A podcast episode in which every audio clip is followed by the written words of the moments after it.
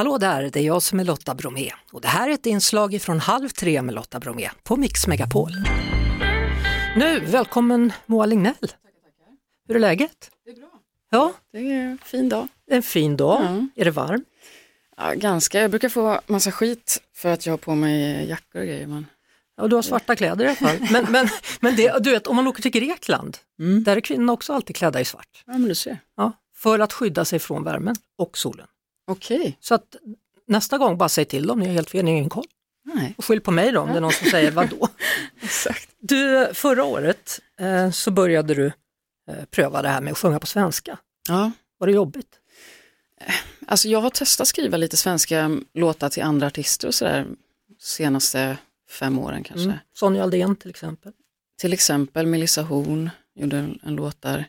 Ehm, men sen har jag haft lite, jag har liksom testat mina vingar lite sådär och nu, först nu känner jag att jag har hittat mitt språk. Eh, alltid känt att det varit enklare att liksom formulera mig på engelska och sådär. Mm. Eh, men jag märkte att jag på något sätt gömde mig eh, bakom engelskan. På vilket sätt? Man sjöng i metaforer och liksom, för mig betyder det väldigt mycket men det kunde lika gärna handla om en potatis. Liksom.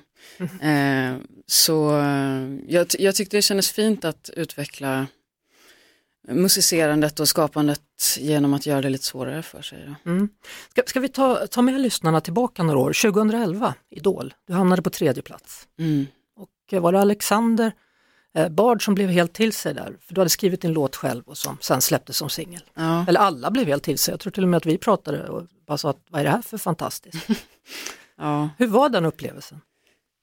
Ja, det var, det var väldigt speciellt.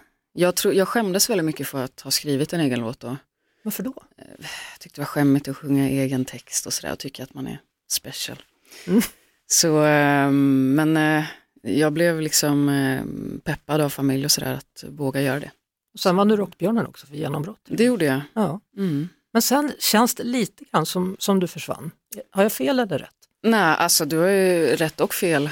Eh, jag försvann för jag började jobba mer med skrivandet och tog en liten annan väg än eh, eh, synas och höras vägen. Mm. Om man säger så.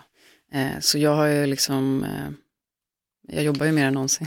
Ja. Men lite i bakgrunden sådär. Ja. Och det, det tycker jag är nice. Men, men det är intressant det där du säger att du, du gömde dig i texterna. Det finns en annan person som gjorde det en gång i tiden och det var Eva Dahlgren. Okej. Det tog väldigt lång tid innan hon kom ut och så gjorde hon såna här eh, stackars alla karar, hon gjorde olika såna här eh, omskrivningar och skrev en del låtar på engelska. Okej, ja. Mm. Var det det som hände med dig också? För du, du har sagt någon gång att jag tror mina fans fattade att jag var gay innan jag gjorde det själv. Ja, alltså, eh, det var ju när jag var lite yngre då, så sa ju alla det till mig att jag var det. Eh, men eh, för mig föll det på plats lite mer, alltså jag har varit, eh, jag har tyckt om alla människor väldigt länge. Mm. men eh, ehm, när jag mer kände mig eh, bekväm i att liksom, eh, inte så mycket att älska en tjej utan att bli älskad, eh, tyckte jag var lite skrämmande till en början.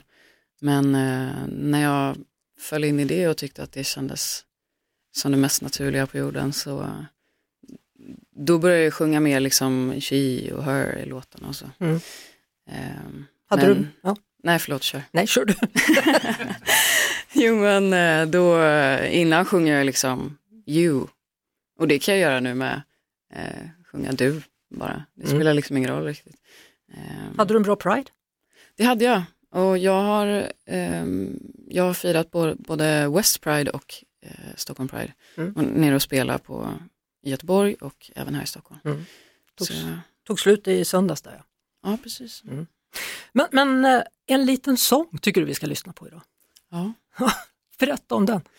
Jo, eh, den här låten skrev jag, Ehm, min farsa blev jävligt sjuk för åtta år sedan och dog. Eh, och då eh, har jag skrivit väldigt många låtar där jag är liksom ja, men 19 år och tycker att allt eh, är jättetråkigt och jag tycker det är så sorgligt. Och det är väldigt riktat mot min sorg på något sätt. Sen med, med åren och sådär med åldern så märker jag att eh, sorgen tar form på helt eh, andra sätt. Och eh, nu så blir det viktiga då för mig att, eh, eller jag inser nu att det är så himla tråkigt att han, han missar så många människor jag träffar. Eh, till exempel min flickvän då. Eh, och det är nästan som att hon känner honom men de har ju aldrig träffats då. Mm. Eh, så jag, jag, märkte hur jag satt och, jag satt och spelade piano och så märkte jag hur jag började, jag började beskriva henne då. Och eh, det var, och någonstans längs vägen fattade jag att det inte var till mig, utan det var till pappa. Och eh, så döpte jag den bara till en liten sång och så gör jag det som en liten eh, hjälp på traven, en liten hälsning dem emellan sådär. Min pappa gick bort för två år sedan right. och jag saknar honom dagligen. Mm. Hur har du det? Ja, det är dagligen. Men han sitter i kroppen på mig. Han gör det, du ser nu ryser jag bara för det. Du säger så. Då lyssnar vi på en liten sång för din pappa då. Yes. Tack för att du kom hit Moa Lignell. Vi hörs såklart på Mix Megapol varje eftermiddag vid halv tre. Ny säsong av Robinson på TV4 Play. Hetta, storm, hunger. Det har hela tiden varit en kamp. Nu är det blod och tårar. Fan händer just det. det detta är inte okej. Okay. Robinson 2024, nu fucking kör vi. Streama söndag på TV4 Play.